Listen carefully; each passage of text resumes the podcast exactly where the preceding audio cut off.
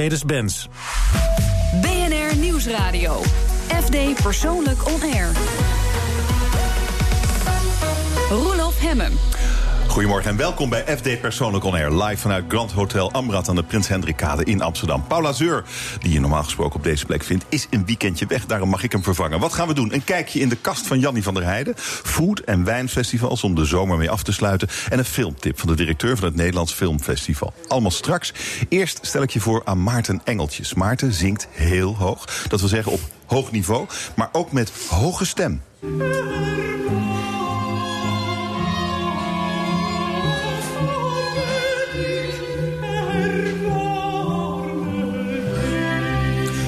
Is een van de meest gevraagde countertenoren van de wereld. En vandaag is hij mijn gast. Maart, welkom. Goedemorgen. Dankjewel, goedemorgen. Uh, en dat zeg je dan met een doodnormale spreekstem. Ja, klopt. Terwijl ja, ik een ja. hele hoge zangstem hoor. Ja, dat kan een mens allemaal. Opvallend, ja. Nee, maar het is wel bijzonder om dat contrast uh, zo, zo, te, zo, te, zo te horen. En ook, mm -hmm. um, hoe, hoe komt het dat je zo hoog zingt en zo laag spreekt? Uh, hoe komt dat? Um, je zingt als countertenor zing je in je falsetstem, of je kopstem eigenlijk. En een mens, jij hebt dat ook, jij hebt een borst- en een kopstem. Uh, ik heb het je net al voorgedaan mm. door je hand bijvoorbeeld uh, op je borstkast te leggen. En ja, dan... je, ja, je kan het gewoon zelf thuis ja, proberen, ja, leg je het kan, eens uit. Je kan je hand op je borstkast leggen en dan als man in je normale spreekstem praten. Dan voel je de resonans in je borst. Voel je dus je hand uh, resoneren. En op het moment dat je uh, als een vrouw gaat praten, dus als je zo gaat praten. Ja, zo, dan, gaat, nou, dan voel ik helemaal niks. dan gaat die resonans ja, weg en dan gaat hij dus naar je hoofd. Dus dat is eigenlijk het verschil. En ja, hoe dat anatomisch precies werkt, dat is voert te ver om dat uit te leggen. Maar in ieder geval, iedereen kan dat.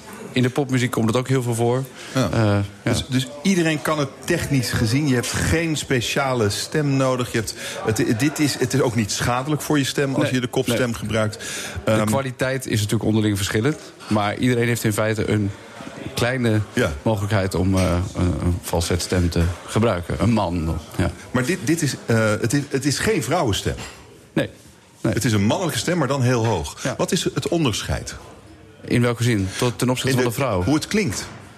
Want wat we net hoorden, dan zou je ook kunnen denken dat een vrouw dat zingt. Ja, nou als je, als je inderdaad, als je, maar als je een vrouw, het, wat we net hoorden was het Erbarmenisch van Bach. Als je een vrouw dat zou horen, dan is het voor een vrouw een minder hoge ligging. Voor mij is het natuurlijk een uiterste. En vaak zijn uitersten interessant, ook qua klank. Um, dus die klank van een man die hoog zingt is vaak intenser en heeft meer kern. Heeft een meer kernachtig geluid. Als het goed gedaan wordt. Dus toch... Uh, Zet iemand koffie tussendoor? Ja, dat moet ook gebeuren. uh, maar dat, de, de, dus eigenlijk meer kracht. Dat zou het verschil kunnen zijn. Ja, en eigenlijk, ja, Ah, ah. kern is het meer. Kern. Het, het is meer, ja, een, een soort... In, in de resonantie, in de frequentie zit meer kern. Oké. Ja. En Dus de- de- jij hoort Een, vrouwelijke klank is wat, is wat ronder. En dit is wat meer een laserbeam, zou ik maar zeggen. Oké, mooie Om het ergens Ja, ja, eh, als een metafoor te... Jij hebt dus een, eh, je hebt een krankzinnig bereik in je stem. Want je kunt waarschijnlijk eh, van heel laag naar heel hoog. Drie Ja. octaven, toch? Ja. Drie octaven, dat is wel bijzonder, wel, ja. Dat is bijzonder, toch? Dat is bijzonder, ja. Wat is jouw laagste stem? Ik vraag het je gewoon, maar eh, doe het eens voor. Ja, oké, maar ik kan, nu, ik kan nu niet het allerhoogste halen. Dat snap niet? je daar, ik ben net wakker. Ik woon om de hoek.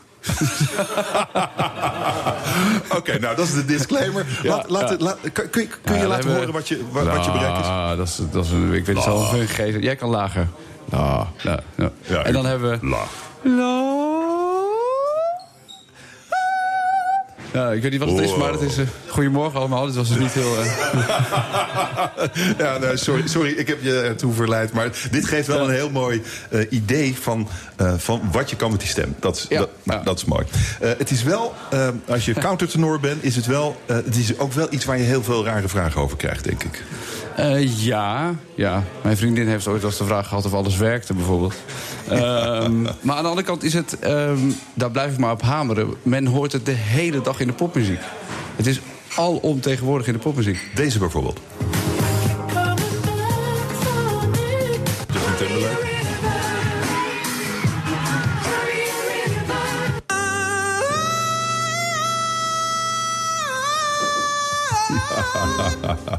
Dat is hoger dan wat ik net deed, hè? Is dat hoger, ja? Ja. Vind je dit technisch ook goed? N- Nee. Maar dat is iets. Nee, het is technische zangers uh, technisch goed zouden noemen. Kijk, uh, in de pop zijn er andere waarden van kracht. Uh, dat is wel een interessant, interessante vraag eigenlijk. Want je hebt. Adele bijvoorbeeld heel veel stemproblemen. En daar zijn best wel veel dingen over te doen de laatste tijd. Omdat popzangers worden eigenlijk verwacht om een rauw randje te hebben om. ja, om hoe moet je zeggen, aards te klinken. En daarmee hebben ze vaak, ja, gooien ze vaak de techniek opzij en werken ze daar weinig aan. En, en ze zingen vaak versterkt. Wij zingen nooit versterkt. Oké, waarom niet? Omdat dat, dat, dat is de echte de kunst eraan. Dat je dus je resonansmogelijkheden zo uh, onderzoekt en zo uitwerkt... dat je dus een grote zaal kan vullen zonder dat je een microfoon nodig hebt. Ja, dat klinkt zo.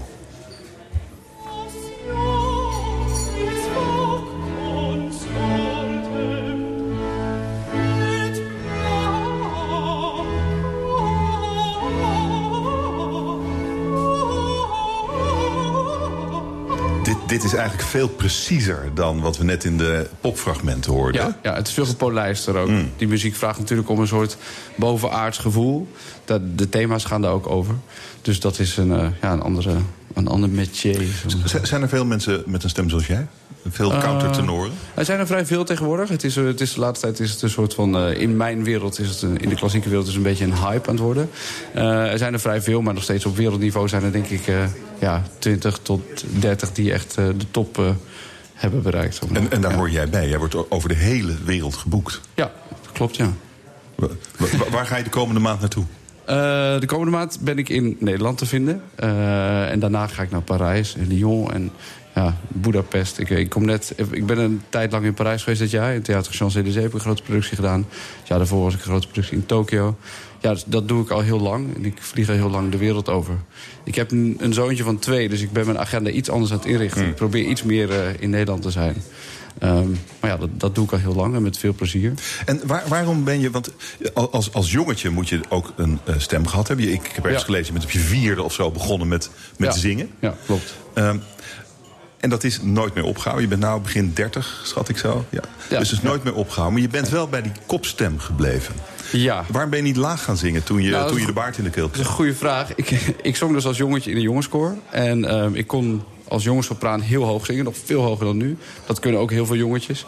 Uh, toen kreeg ik de baard in de keel. En daarna begon ik weer met zingen. En uh, kijk, ik vergelijk het met... je hebt een Lada in je keel of een, of een Porsche. En ik merkte gewoon dat die, die hoge stem... Dat, dat, dat voelde nog steeds als die Porsche. En ik, als ik een, als ik een, eh, een, een bariton gebruik, ja, dan voelt het als een, uh, ja, niet een krakkemikkige Lada. Dus dan kies je automatisch voor hetgeen wat het fijnste voelt. Weet je? Als je, daar kan ik alles mee. Dus dat is een ontzettend fijn gevoel. Dus toen ben ik ja, die stem gaan, uh, gaan gebruiken en uit gaan bouwen. En hij doet het altijd? Nou, nu even niet helemaal. Ja, nee, ik, nou ja, ik word wat ouder.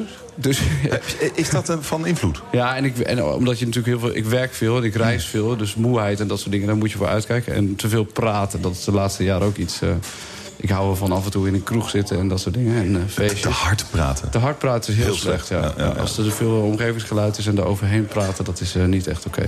Okay. Um, nou, dan gaan we nu even dus zwijgen. altijd want, doet hij het niet. maar wel vaak. Dan gaan we nu even zwijgen, want we hebben je gevraagd... om een ideaal weekend zonder grenzen in afstand, tijd of geld samen te stellen. Oh ja. uh, daar hebben we dit van gemaakt.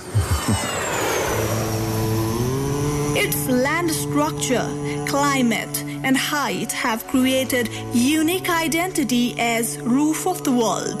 Tibet is the ultimate pilgrimage destination.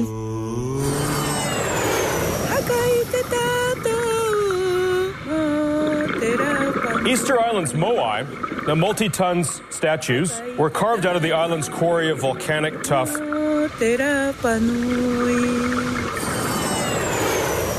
It's the place with the glass igloos. So yeah. all those Instagram pictures that you've been seeing of like glass igloos looking at the northern lights, that's where we are, guys.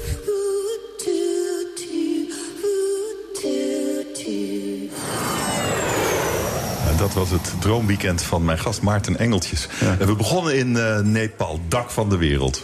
Ja. Wat fascineert je aan Nepal? Uh, ben je een wandelaar, klimmer? Nee, totaal niet. Nee, oh. Maar het is wel iets wat je echt gezien moet hebben, denk ik. En ik, uh, ja, dat, dat was het eerste wat me opkwam. Wat, Dat wil, wat in me opkwam. dat wil je zien. Da- daar Ja, wil je naartoe. ja, ja. Droomweekend. Duiken bij Paaseiland. Met een duiker. Ja, ik, ja eh, eh, niet echt heel eh, eh, professioneel zo, maar ik kan wel duiken. En ik vind het ontzettend eh, cool en leuk om te doen. Eh, ja, en Paaseiland schijnt echt waanzinnig te zijn. Want die dingen die dus op de... Die beelden die ze boven de grond hebben... schijnen dus ook onder water te zijn. Er zijn er ook veel van. Oh. En dat, lijkt me, ja, dat schijnt een waanzinnige duiklocatie te zijn. En wat Ja. is de mooiste plek waar je tot nu bent wezen duiken?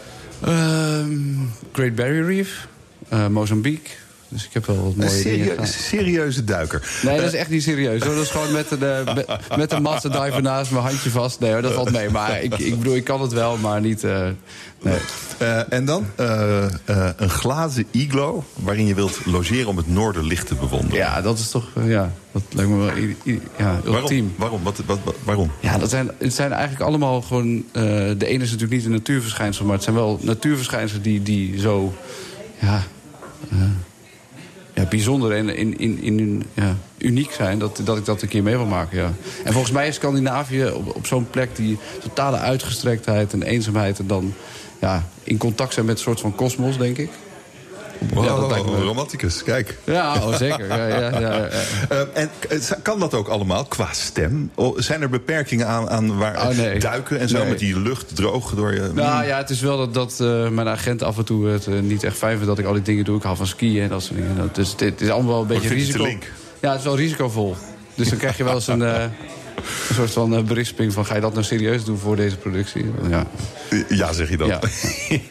we zoeken het ook eh, dichter bij huis. Er is zoveel te doen, zo weinig tijd. Daarom vragen we elke week iemand uit het culturele veld... om een heel concrete tip. Waar moeten we heen? We horen nu de directeur van het Nederlands Filmfestival... Hein Barnhoor, over zijn keuze bij het NFF deze week. Hebben natuurlijk een aanbod van eh, bijna 300 eh, films, eh, documentaires, shorts, interactive programma's. Maar als je mij dan echt met de arm op de rug dat zou vragen, heb ik Tokyo Trial, een prachtige première over het proces waarin de oorlog nou, beoordeeld werd door een groep rechters uit alle landen die de effecten hadden van de oorlog door Japan veroorzaakt. Erg indringend, moet ik ook zeggen. Eh, met een prachtrol van Marcel Hensema. En daar kunnen we met z'n allen ook heel trots op zijn. Een prachtig ander voorbeeld is eh, Geschenk uit de Bodem. Een documentaire gemaakt onder andere door de groep die achter de Piet Hein Eek documentaire zit. Die een heel evenwichtig portret schetst eigenlijk van de situatie zoals die in Groningen door de aardbevingen eh, veroorzaakt zijn. Maar ook de andere kant van het eh, verhaal belicht. En dat evenwichtige zit in het geven dat, dat die geschiedenis wordt beschreven. Maar ook de effecten die we nu ervan ondervinden. En eh, en zeker een aanrader als spiegel op onze maatschappij.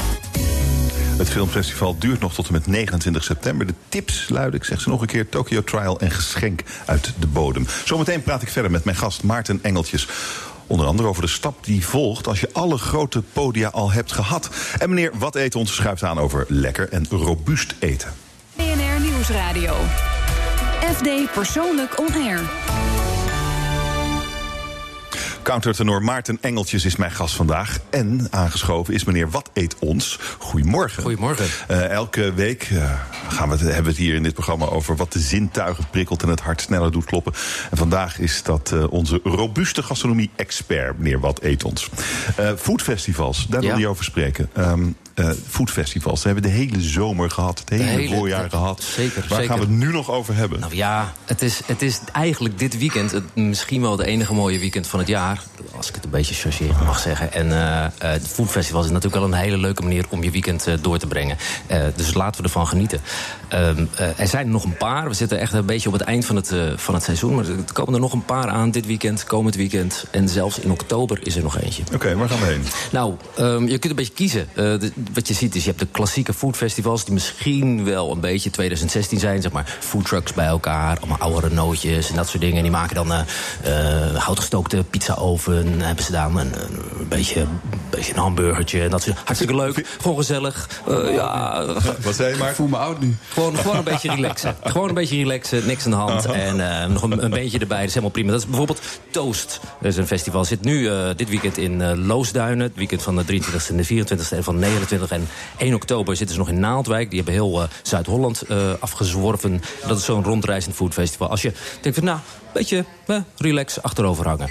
Ja. Als je zegt, nou, ik wil ietsje meer uitgedaagd worden... dan kun je ook een, een combinatie van een foodfestival en een, en een theaterfestival eh, bekijken. Dus dan kun je een beetje kiezen, dan neem je wat lekkers te eten. En dan ga je bijvoorbeeld een, eh, een burlesque eh, tentoonstelling kijken. En daarna komt er dan een voorstelling met de poppentheater. Ik weet niet precies hoe de twee groepen die daarvoor gaan zitten dat eh, met elkaar kunnen combineren. Maar dat, is, eh, dat heet eh, het Hippe Happen Festival in, de, in Den Bosch. 23 en 24 september dit weekend.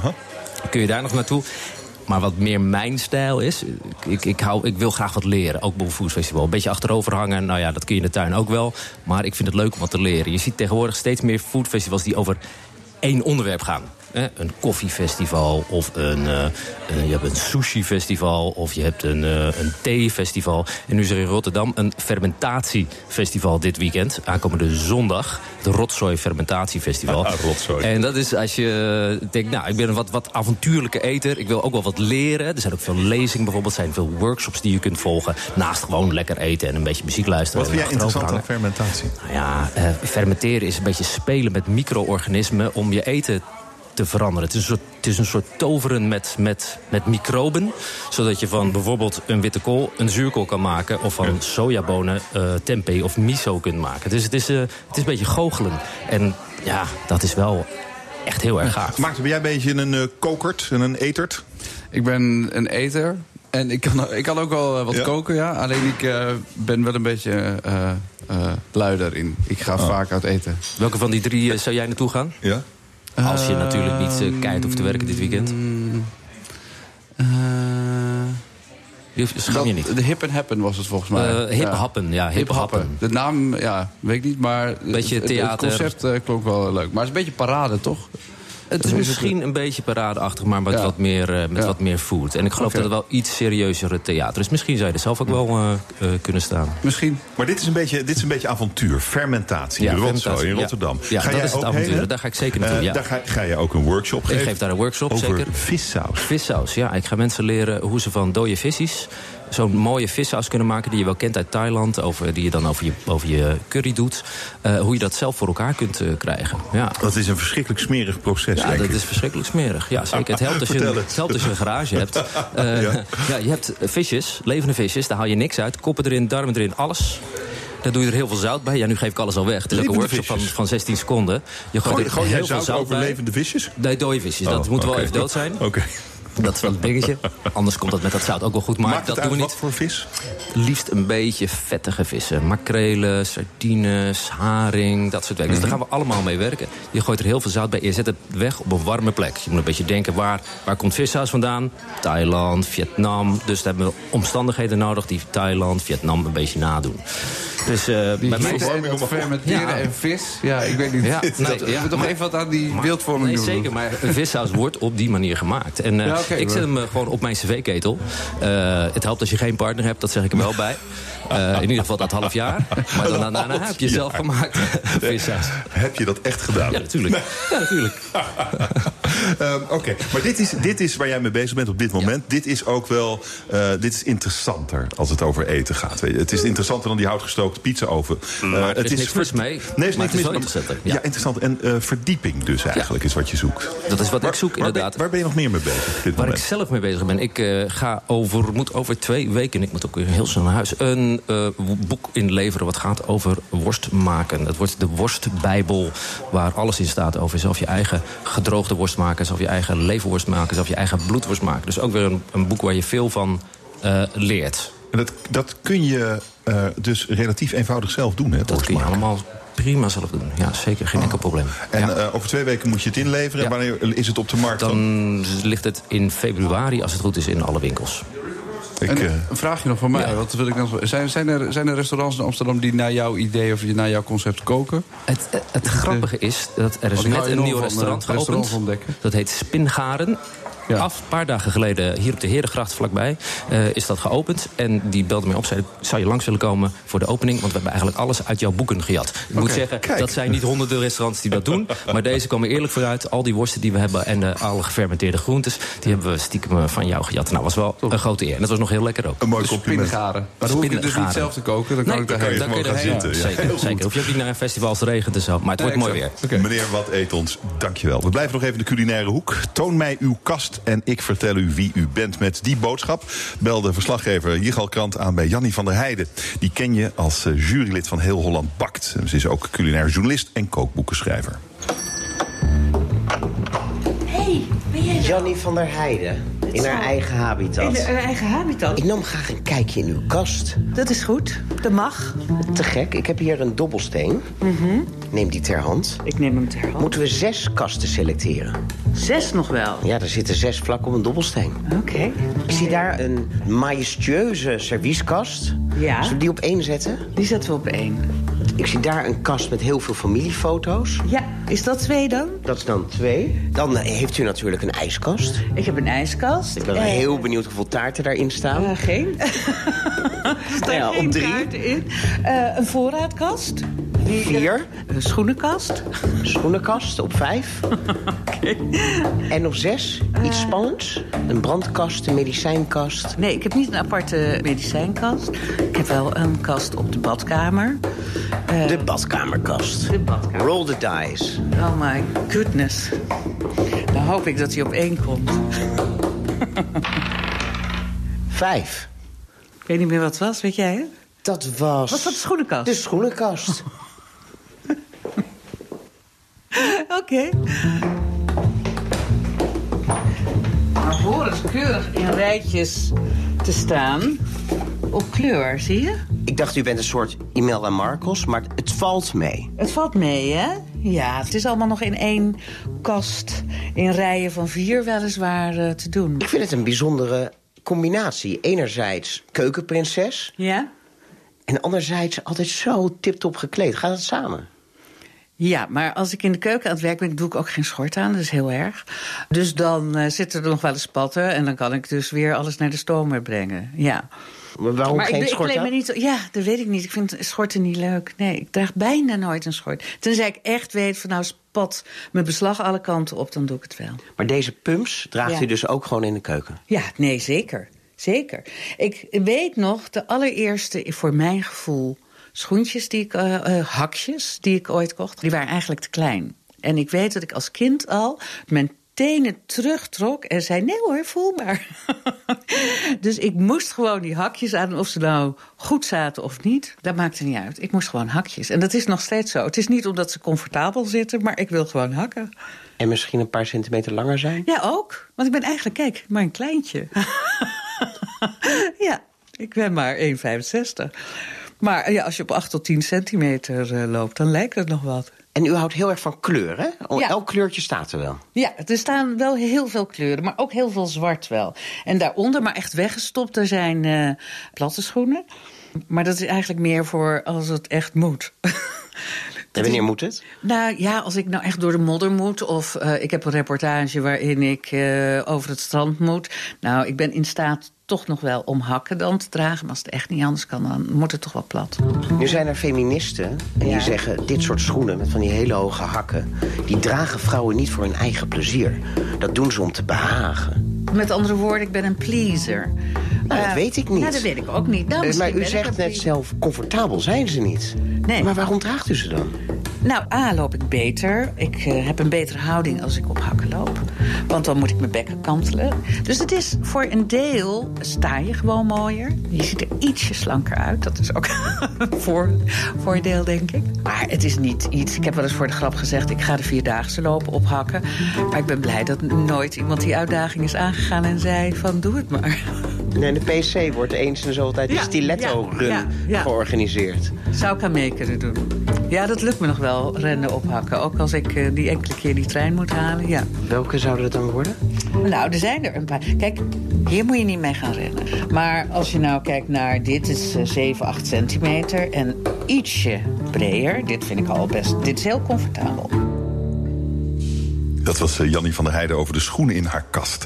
Eh, Maarten, wat zouden we in jouw schoenenkast aantreffen? Je schoenenman? Eh, Sneakers aan vandaag? Ja, ik heb redelijk veel schoenen, ja.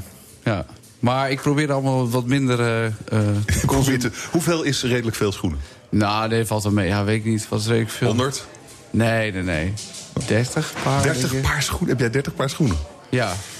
Maar ik ben echt, ik ben niet heel erg kleren. Maar ik koop drie keer per jaar heel veel. Uh, gewoon wat ik nodig heb. Nee, kleren. Uh -huh. En dan, uh, maar ik, moet, ik vind dat we daar allemaal een beetje rustig aan mee moeten doen. Want de CO2-uitstoot van de textielindustrie is 10% van alles wat er, wat er op aarde gaande is. Las ik pas. Dus je gaat minderen? Ja, ik probeer er wel wat op te letten, ja. Wat, wat, wat is, heb je een bepaald pak voor op het podium? Wat, wat draag je dan of hangt dat af van de productie? Ja, hangt af van de productie. Maar meestal is het, als het concerten zijn, is het of een pak of een rockkostuum. En als het, uh, als het opera is, dan wordt er natuurlijk een kostuum gemaakt ja. uh, op basis van, uh, van het decor. En wat vind je het fijnst? Het fijnst is een, uh, een, een, een, een mooi pak. Een rockkostuum is niet echt fijn. Dat is een groot, zwaar ding. En stel jij hoge eisen aan je pak. Een fijn pak, zeg je. Wat is voor jou een fijn pak? Ja, ik hou toch wel van een ja, beetje, beetje tailor-made. Nou ja, een beetje. Ja, ja. Gewoon, Dus gewoon, ja, hè, ja. hele goede handgemaakte pakken met eh, van die hele mooie lichte Italiaanse stof, denk ik zo. Ja, ja, klopt, ja. Dat, dat is wat ik mooi vind. Dat heb ik de laatste jaren pas ontdekt, hoor. Ik kocht meestal gewoon goede, eh, dure confectie eh, pakken. Maar als je eenmaal tailor-made hebt, dan, is het, eh, dan ga je niet meer terug, maar zeggen. En eh, donkerblauw. Ja, donkerblauw. ja. Altijd donkerblauw. Nee, want nee, heel vaak is het zwart. Oh, zwart. Want dat moet voor de, voor de hele groep. Als, Ah, ik, oké. als ik echt een soloconcert doe, dan mag ik mijn eigen eh, touch eraan geven. Dus dan mag het blauw zijn of een andere kleur. Maar als je onderdeel van. Ik ben vaak onderdeel van vier andere solisten. En daar kan ik natuurlijk niet als enige daar met een, als een soort pauw opkomen. dat, moet, dat moet in lijn zijn met de rest. Ja. Zometeen praat ik verder met eh, Maarten Engeltjes. En we spreken de organisator van het Amsterdam Wine Festival. Het is zijn missie om de Nederlandse wijnliefhebber een beetje op te voeden. En hij begint zo direct bij ons. Tot zo. Nieuwsradio. FD Persoonlijk On Air. Roelof Hemmen. Vandaag is topzanger Maarten Engeltjes mijn gast. En daarnaast mag ik de organisator van het Amsterdam Wine Festival ontvangen, Ivar Beukenboom. Welkom, goedemorgen. Ivar. Goedemorgen. Eh, wat is het verband tussen een gemist vliegtuig en dit festival? Dat is een mooie introductie. Eh, ja, dat is inmiddels anderhalf jaar geleden eh, ontstaan. En ehm, destijds verkocht ik wijn, probeerde ik tenminste, aan mijn huidige compagnons. Dat lukt overigens. En ik had als snoepreisje voor hun, mocht ik ze meenemen naar Valencia. Nou, daar zijn wij eh, eh, drie dagen in de watten gelegd. Met eh, ja, de mooiste wijnen, fantastisch eten. En Las Fallas, dat is een festival daar. We werden helemaal meegenomen in de, in de culturele gewoontes van ja, dat festival in het land Spanje. En we waren met nog een grotere groep. En ik was daar een, een aantal jaar geleden ook met mijn ouders geweest. En ik kende nog een heel mooi tapaszaakje daar ergens in Valencia in een buitenwijk. Dus ik heb die jongens daarmee naartoe genomen op een eh, redelijk brakke zondagochtend. eh, om nog eventjes eh, het dun- dunnetjes over te doen. En ja, we kwamen daar binnen. We hadden de laatste tafel en er werd een, een soort bijbel neergelegd naast mij. En ja, daar bestonden uit duizend wijnen. Goed, normaal gesproken kan je door de boom het bos niet vinden. Maar mijn oog viel er op één. En die fles die hebben wij genomen. Dat is niet bijeengebleven, er waren er iets meer. En vervolgens... eh, eh, eh, ja, In de ochtend, hè? Hebben we de- het hier over? Ja, oké. Ja, in de ochtend. Ja, dat, doen, we- dat doen we niet dagelijks hoor. Dit was even een uitspatting. Maar goed, tijd vergeten, alles om ons heen vergeten en vliegtuig gemist. Maar wel iets anders eh, gekregen, namelijk een briljant idee. Ja, precies. eh, Letterlijk op een, eh, in dit geval op een bierveeltje. Is dat idee opgeschreven. We hadden namelijk nog een, een aantal uur te gaan in Valencia. En we zijn dat dus helemaal gaan uitwerken. Onder het genot van diezelfde fles wijn overigens. Ehm, en die zomer hebben wij daarover ja, doorgebrainstormd. En dachten we, ja, weet je, wij moeten het Amsterdam Wine Festival gaan organiseren. En dan moeten we eigenlijk op één plek die wij in ons hoofd hadden. En dat is de, de gashouder op het Westergasfabriek. In Amsterdam. Het meest iconische gebouw eh, voor, ja, in onze optiek om dat eh, te gaan organiseren. En, eh, en wat, is de, wat is de kern van wat je wilt vertellen met dit festival? Het gaat over wijn, maar Ja. dus, er zit bij jou wel wat achter, denk ik. Ja, het is, het is wat wij daar hebben meegemaakt. Die beleving, de cultuur, de muziek, het eten. Alles wat daar samenkwam, wilden wij eh, ook aan, ja, aan, aan Nederland vertellen. En eh, eh, wijndrinkers of niet, beginnende of gevorderde. Iedereen moet dat ontdekken. En wij hebben, je hebt twee oogstmomenten in een jaar. In de wereld. En dat is het Oh, in de wereld In de wereld, ja. ja. En wij dachten, nou, dat zijn ook twee mooie momenten om meteen een feest daarachter te, te, te organiseren. En dat is op het zuidelijke halfrond is dat eind maart, oogsten ze. En in het noordelijke halfrond is dat eind september. Dus wij hebben onze eerste editie hebben wij in maart gedaan, eind maart. Waarin wij Argentinië, Chili, Zuid-Afrika, eh, Nieuw-Zeeland en Australië vertegenwoordigde. En maar niet alleen de, eh, de wijnen daar vandaan, maar ook echt de hele landsbeleving. Het eten wat daarbij kwam, hebben wij toegevoegd met muziek. Dus echt een totaalbeleving van, van eten, drinken, wijn in dit geval en cultuur. En nu gaat het over het noordelijk halfrond. Precies, ja, volgende week. Wat zien we dan? De, eh, nou ja, ik raad sowieso aan om iedereen, die moet gewoon komen. Het is van 29 eh, september tot 1 oktober. Ehm, wat zie je? Je, komt, eh, ja, je hebt de gashouder, je hebt het, het plein daartussen en het transformatorhuis. Wij gaan met eh, verschillende wijnimporteurs samenwerken. Dus er zit eentje naast me. Eh, Nou, je introduceert hem. Bas Middendorp is hier, een van je partners. Ja. Eh, en die heeft een paar flessen wijn meegenomen. En niet zomaar flessen wijn, geloof ik. Wat, eh, wat heb je meegenomen, Bas? Yes, ja, ik ben eh, van Best of Wines. En wij zijn eh, echt gespecialiseerd in het eh, hoogste segment van de wijnen. Meest exclusieve. We hebben zo'n 60.000 eh, flessen op voorraad. En de gemiddelde prijs is 200 euro per fles. Daar moet je dan aan denken bij ons. Wow. Wat is de duurste? Eh, we hebben een fles liggen van 25.000 euro. Dus daar kan je... 25.000. 25.000. Maarten, 25.000 euro. Zullen we hem bestellen? Kost een glas dan? Ja, de, eh, gedeeld door zes. En dan heb je een glas. ja. Zo simpel is de wereld van een wijnhandelaar. Wat heb je nu meegenomen? Ik heb nu, eh, ja, het was best wel lastig kiezen zo voor eh, ja, uit 60.000 flessen iets moois mee te nemen. Oh, kost Maar deze? Eh, deze kost eh, 60 euro. Oh, dus eh, ja, dat is wel ver van die 25.000. nee, als ik een fles van 25.000 euro zou meenemen hier naartoe, dan eh, zou ik maandag eh, kunnen opdoeken, denk ik. Maar Nee. het is, eh, wat, heb je, wat heb je hier in die fles? Ik heb eh, een eh, wijn, daar zijn wij ontzettend trots op. Die importeren we zelf. Eh domein Avgro, uit de Bourgogne komt dat. Zeer bekende, eh, bekend wijnhuis. Eh, ze maken bijvoorbeeld ook eh Richebourg. Dat is een, een van de topwijnen uit de Bourgogne. Eh, om een voorbeeld te geven, Richebourg hebben wij eh, vanuit 2015 een 15 liter fles. Die kost dan 15.000 euro bij ons. Maar dan zit je dus met een waanzinnig grote fles. Dit is de allereerste witte wijn die zij ooit hebben gemaakt. Eh, 2015. Ook nog eens een bijzonder goed jaar. Eh, komt uit Côte de Bonen. Ja, en eh, ik denk dat we hem gaan opentrekken en eh, gaan proeven. Het is, een, Ik ben blij dat ik in deze uitzending zit. Ik denk dat wij dat een goed idee vinden. Ga je gang. het is een Chardonnay. Mag ik één ding vragen? Ja. Ehm, ik, ik snap dat, dat... Ik bedoel, we vallen allemaal eh, eh, van onze stoel van de waarde van die flessen. Eh, maar waarom, zijn, waarom is zo'n fles nou... Waarom heeft zo'n fles deze prijs? Ik bedoel, is dat gebaseerd op, op schaarste, op vraag en aanbod? Of? Ja, het, heeft, eh, het is in eerste instantie natuurlijk gebaseerd op de kwaliteit. Er zijn een aantal gebieden ter wereld, daar kan je een prachtige wijn maken. Maar je kan het gebied niet zomaar eventjes uitbreiden. Dus eh, ik zeg altijd, je kan eh Porsche maken. Maar die Porsches, eh, stel je wil er meer maken... dan leid je mensen op, koop je extra staal... zet je een nieuwe fabriek weg, kan je meer Porsche maken. Ja. Deze wijnhuizen hebben zo'n specifieke grond... dat alleen die wijn kan daar gemaakt worden.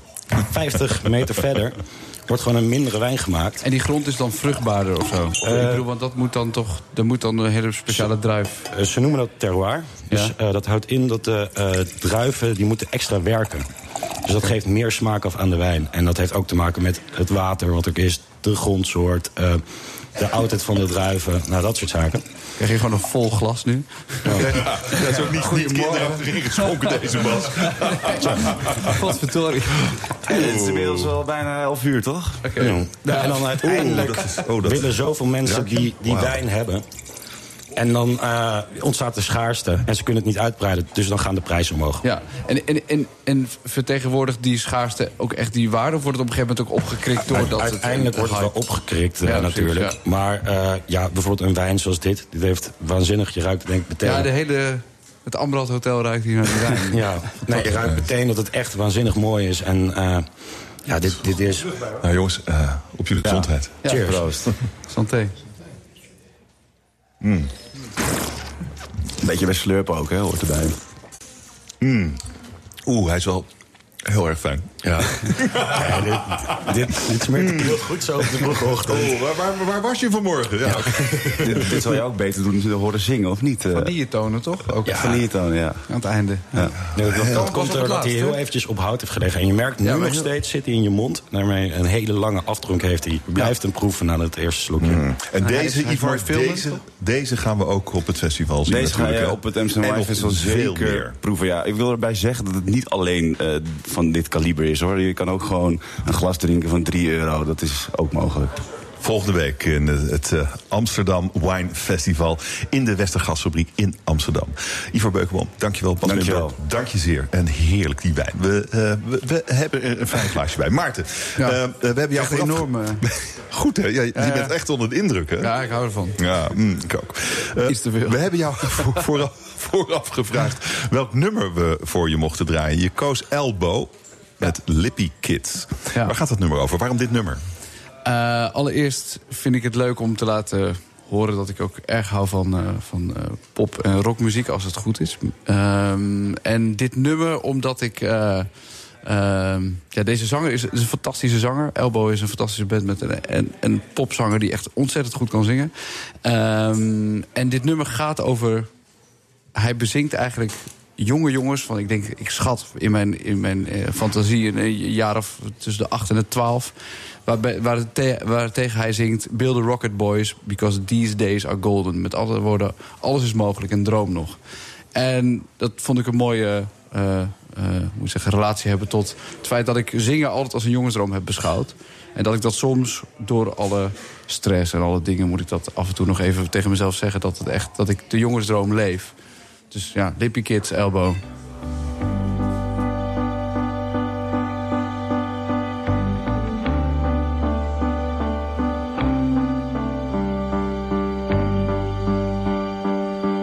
Lippy kids on the corner again.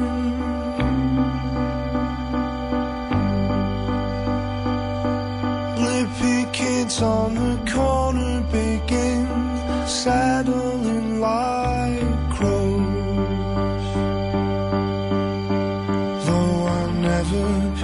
perfected the simian stroll.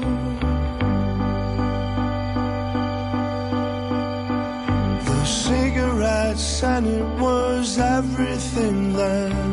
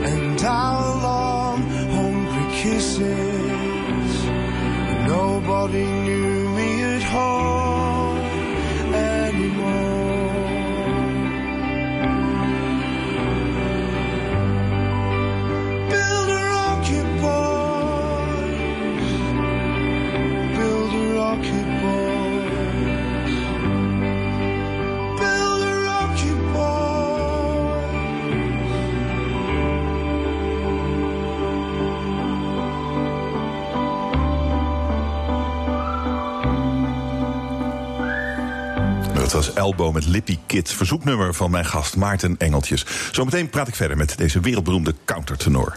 BNR Nieuwsradio. FD Persoonlijk On Air.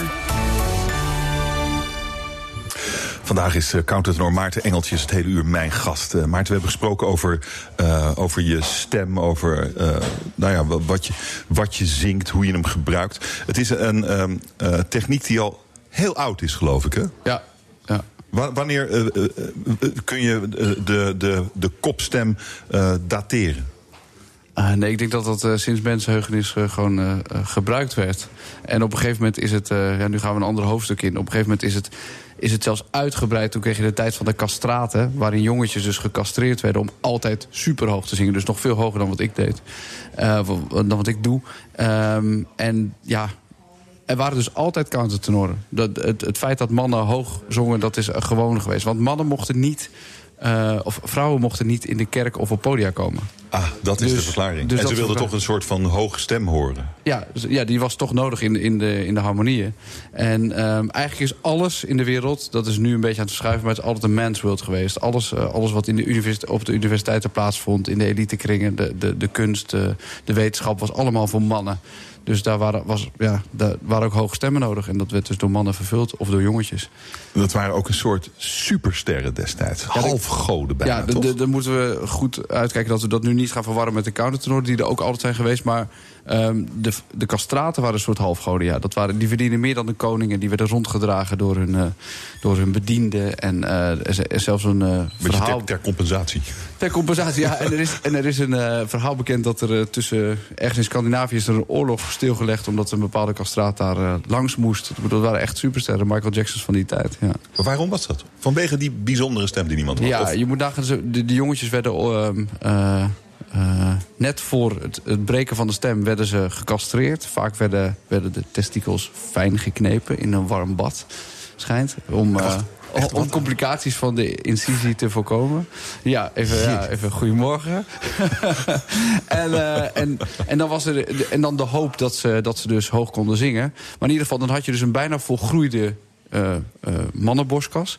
Met daarboven een, een strottenhoofd wat, wat niet gegroeid is. En dus hele sterke jonge stembanden. En dat moet dus een, een fenomenaal geluid geweest zijn. En die mannen, die castraten, die, die trainden echt werkelijk waar. Elke dag, als je daar de documenten van leest... dat is, dat is acht uur per dag trillers oefenen, lange lijnen. Het is enorme... Ja, har- keihard is daar gewerkt. En dan bracht, dat bracht zo af en toe dus mensen als Farinelli voort. En als je daar de partituren van bekijkt, dus de muziek die daarvoor geschreven is... dat, ja, dat moet een soort van, van, van inderdaad halfgoden geweest zijn. Wat, wat, die- wat, die, wat, wat, die jongens konden, was, was ongelooflijk. Eh, eh, Kun je, eh, is, is, is dat, geluid bewaard gebleven? Ja, er is één, één opname van eh Moreschi, volgens mij, heet die. En dat is, eh, pin me niet op vast, 1880 of zoiets. Ik weet niet of dat, of, of dat correct is. Maar in ieder geval, dat was een hele slechte. Oh. dus we kunnen alleen maar eh, bedenken hoe mooi dat geweest is... uit, uit ja, documentatie van die tijd. Ja, ja. En is dat ook iets wat je dan... vielen echt flauw. En het was Ja? echt waanzinnig. En dat, eh, is dat iets wat je probeert te benaderen? Nee, ik niet, want ik kan dat niet. Er zijn- ook- er het is is op- nog veel hoger dan jij. Nog veel ja, krachtiger dus dan op jij. dit moment is er Wow. één in de wereld die dat kan. Dat is Franco Fagioli. En dat is een soort van ja, een soort halfgod. Die, die kan dat, die is dat aan, het- aan, het- aan, het- aan, het- aan, aan het doen.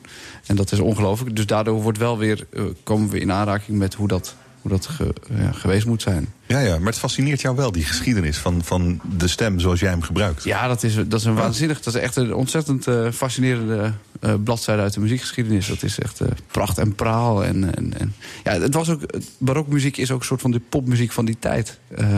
Het, het, het gaat over de. Ja, het, het is, je merkt eigenlijk dat jonge mensen barokmuziek heel, heel goed pakken. Dat het, de, de baslijnen zijn, eh, zijn, zijn, zijn catchy, zou ik maar zeggen. De, de, de emoties zijn heel duidelijk ver- eh, verklankt. Dus ja, het, het, het gaat over. Het, het is heel, voelt heel actueel eigenlijk. En het is ook actueel, want jij bent er vanuit die gedachte mee bezig op dit moment om wat jij doet ook in grotere kringen populair te maken. Wat ben je aan het doen? Ehm, wat, wat ik aan het doen ben, ik heb een barokorkest opgericht. Project Amsterdam. PRJCT, dus zonder klinkers. En ehm, daarmee hoop ik eh, naast het al bestaande publiek... want dat is heel belangrijk, dat we het bestaande publiek gewoon blijven koesteren en eh, waarderen...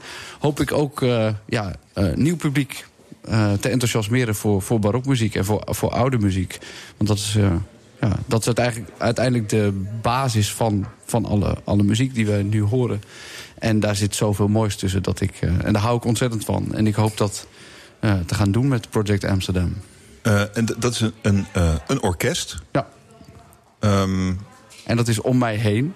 Ja, Dus- ja, dus, oké, eh, ja. dus ik, ik, eh, ik ben daar nog geen dirigent van. Ik ben eh, artistiek leider. En het is eigenlijk het is tweeledig. Ja, als zanger, wat je net zei, ik heb, ik heb al veel gedaan. En dat kan, nog steeds, dat kan nog steeds zo doorgaan. Dat gaat ook zo door. Maar daarnaast wil ik wat meer vrijheid in wat ik ga programmeren... en wat ik, wat ik op de planken breng. En dat kan op een gegeven moment als je wat bekender geworden bent. Dan kun je zelf je programma's verkopen. En dan kun je daar leuke dingen mee doen. En je eigen invloed ge- aan geven. met je eigen orkest, dat jou begeleidt en de, en de stukken die jij wilt die brengen. ik wil. En dan ook de combinaties van, van dingen samenbrengen. Zoals volgende week gaan we het Stabat van Pergolesi eh, op de planken brengen. En dat heb ik ehm, eh, verbonden aan het boek Schaduwkind van P.F. Tomezen. Dat is een heel heftig thema, maar het Stabat Mater van Pergolesi gaat over het verlies van een kind. Maria verliest haar zoon Jezus. En Schaduwkind gaat over P.F. Tomezen die zijn dochtertje verliest. En die twee thema's, ik probeer het thema van de uit de 18e eeuw te halen en actueel te maken daarmee. Om eigenlijk te verduidelijken waar het over gaat. Want in de tijd van, eh, van de barok kende iedereen die dat hoorde, kende de teksten of de liturgieën. Dus die wisten direct waar het over ging. Het woord, eh, een zin als Stabat Mater Dolorosa, dat wist iedereen wat dat betekende. En nu doet dat mensen niet veel. Maar ik denk als je dus uitlegt en verduidelijkt... dat het ja, mensen bij de lurven kan grijpen. En dat, eh, En, en, en waarom is. eh, jij wilt dan graag dit doen. eh, maar is er verder geen gelegenheid voor je om dat soort dingen te doen? Wil, wil- willen eh, producties jou niet. of agenten jou niet programmeren op precies dat soort dingen die jij graag wilt? Ehm, nou, dat is, dat best wel lastig. Nou, ik, ja, een een tikkeltje. En het is natuurlijk, iedereen wil graag zijn eigen plannen eh, promoten en eh, propageren. dus als, ik, als, ik dit, als ik dit voorstel... Ik heb dit vaak voorgesteld aan, eh, aan ensembles. En dan is het toch dat dat niet gebeurt. En eh, dat, dat is hun goed recht. Maar ik vind het leuk om dit op deze manier te gaan doen. En ik denk dat dat eh, goed gaat werken. Het is, het is niet zo dat je het, eh, eh, het, het simpeler maakt of zo. Je, gaat, Ehm. je verandert niet de muziek door, het, eh, door, door er moderne, eh, een moderne toets aan toe te voegen. Dat, dat wil je niet. Hè? Je wilt de originele muziek houden. Ja, ik wil de originele muziek houden. Ik vind Hmm. eh, crossovers, dat vind ik op een gegeven moment... is een soort van wending geweest die, die eigenlijk eh, subsidie gemotiveerd zijn. De, de fondsen die, die alle dingen bekostigen, die vragen om vernieuwing. En dat moet dan... Maar ik, ik kan daar niet zo goed mee omgaan, omdat ik dan denk... die muziek heeft drie eeuwen of vier eeuwen doorstaan. Dat, dat hoeven wij niet te gaan veranderen in dit kleine periodetje dat wij leven. Weet je? Dat, is, dat, moet je gewoon op zich laten staan. Dus de vorm eh, moet altijd de inhoud volgen. Oké, dat is interessant, want eh, het is eh, contrair op eh, wat bijvoorbeeld de, de grote subsidiegevers willen. Ja. Ah, Oké, dus je krijgt ook geen subsidie. Dit Klopt. moet helemaal op eigen kracht. ja, dat klopt. Maar ja, ik, ik, dat, wellicht komt dat nog. Volgend jaar gaan we een project doen dat heet Barok X. Waarin we dus Felix Meritis om gaan toveren tot een, tot een baroktempel. Waar we echt, een, echt, dat is echt voor het nieuwe publiek. Waar we barokhits, en dat mag van mij betreft eh, veel wijn en eten gebaseerd op die tijd hebben. En eh, dat mag een baganaal worden, weet ik veel wat allemaal. En wellicht dat ze dat aansprekender vinden. Maar dan nog wil ik niks veranderen aan die muziek. Die muziek mag verduidelijkt worden en er mag een sfeer en een beleving. Precies wat hij net zei over, over zijn wijn. Eh, totaalbeleving bieden, daar geloof ik zeker in. En de concertvorm mag aangetornd worden, maar de inhoud van de muziek niet. Daar geloof ik gewoon niet in. Ehm, het, het gaat wel over hele grote, zware thema's. Over diepe emoties allemaal, hè, dit. Ja, maar dat is het leven, toch? Dat is het leven, ja. Maar dat zit er in die muziek. Het, Ja. is, het is eigenlijk het is niet saai. Nee, het is, nee Het raakt niet. altijd aan, aan die hele grote dingen, toch? Klopt. En wellicht is dat ook een beetje. ehm, als, de tijdsgeest was misschien anders. Ik bedoel, mensen, mensen waren veel meer bekend met ziekte, eh, vroeg overlijden. Ik bedoel, in de barok, ja, als je 40 werd, was je vrij oud, denk ik. En 60 was je echt. eh, heb je het heel goed gedaan. Dus eh, ja, ik denk dat het een andere perceptie was waarin mensen leefden. En ja, dus dat. misschien als je, dat, als je die. Die geschiedenis erbij vertelt en mensen wat meer het idee gaat waar, waarover dat gaat, dat het minder zwaar voelt. En daarbij vind ik dat we ook eh, best de zware kant van het leven mogen aanstippen. Daar is kunst voor. Voordat we gaan eh, afronden, kijken we binnen bij een woning die te koop staat. En deze week die van een DJ-duo. DJ's Bramsterdam en Big General hebben in Hartje Amsterdam wat hun hartje begeert. De reuring van het centrum en een enorme zolder om te DJ'en.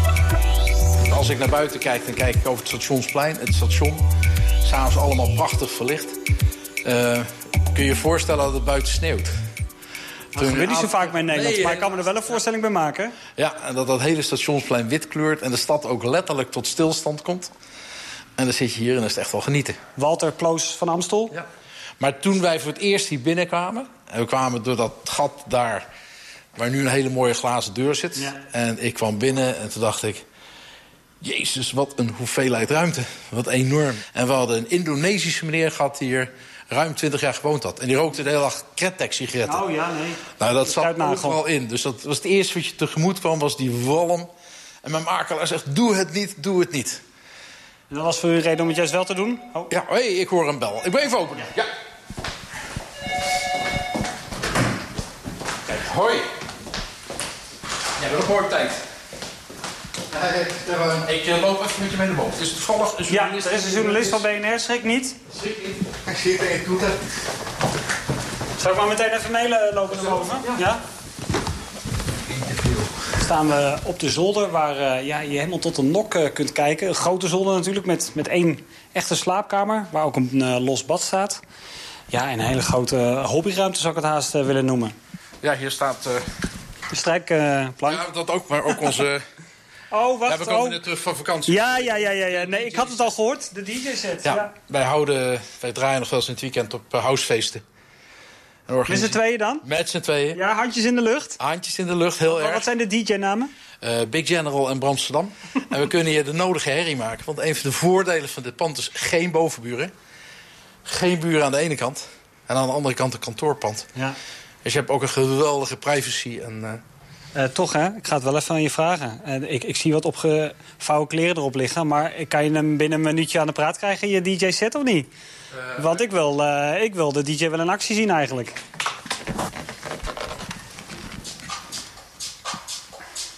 maar staat de grote box er maar even niet aan. Ah, nee. Nou, daar is hij dus. DJ Big General. Gewoon nummer 1, hoor.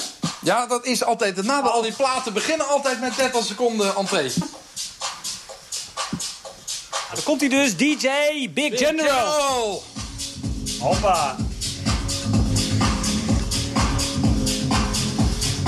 Hey, maar even, hè, dit is natuurlijk hartstikke leuk dat je hier op je zolderkamer, eh, enorme zolder, dit kunt doen. En dat de buren er geen last van hebben. Maar hoe zit dat nou in je nieuw huis? Ja, dat wordt wat. Want daar hebben we ineens eh, bovenburen. En benedenburen en buren naast ons. Dus, Maar is eh, dat iets waar jullie over nagedacht hebben? Nou- heeft dat een rol gespeeld? We hebben gelukkig nog een heel gelukje in Amsterdam. Dus dat we zelf betrokken zijn bij een club. Dus als het thuis niet kan, dan doen we het daar. Je kunt daar oefenen, et cetera. Ja, oefenen of gewoon draaien, hè? S'avonds. Ja. Nou, laat hem maar een keer horen.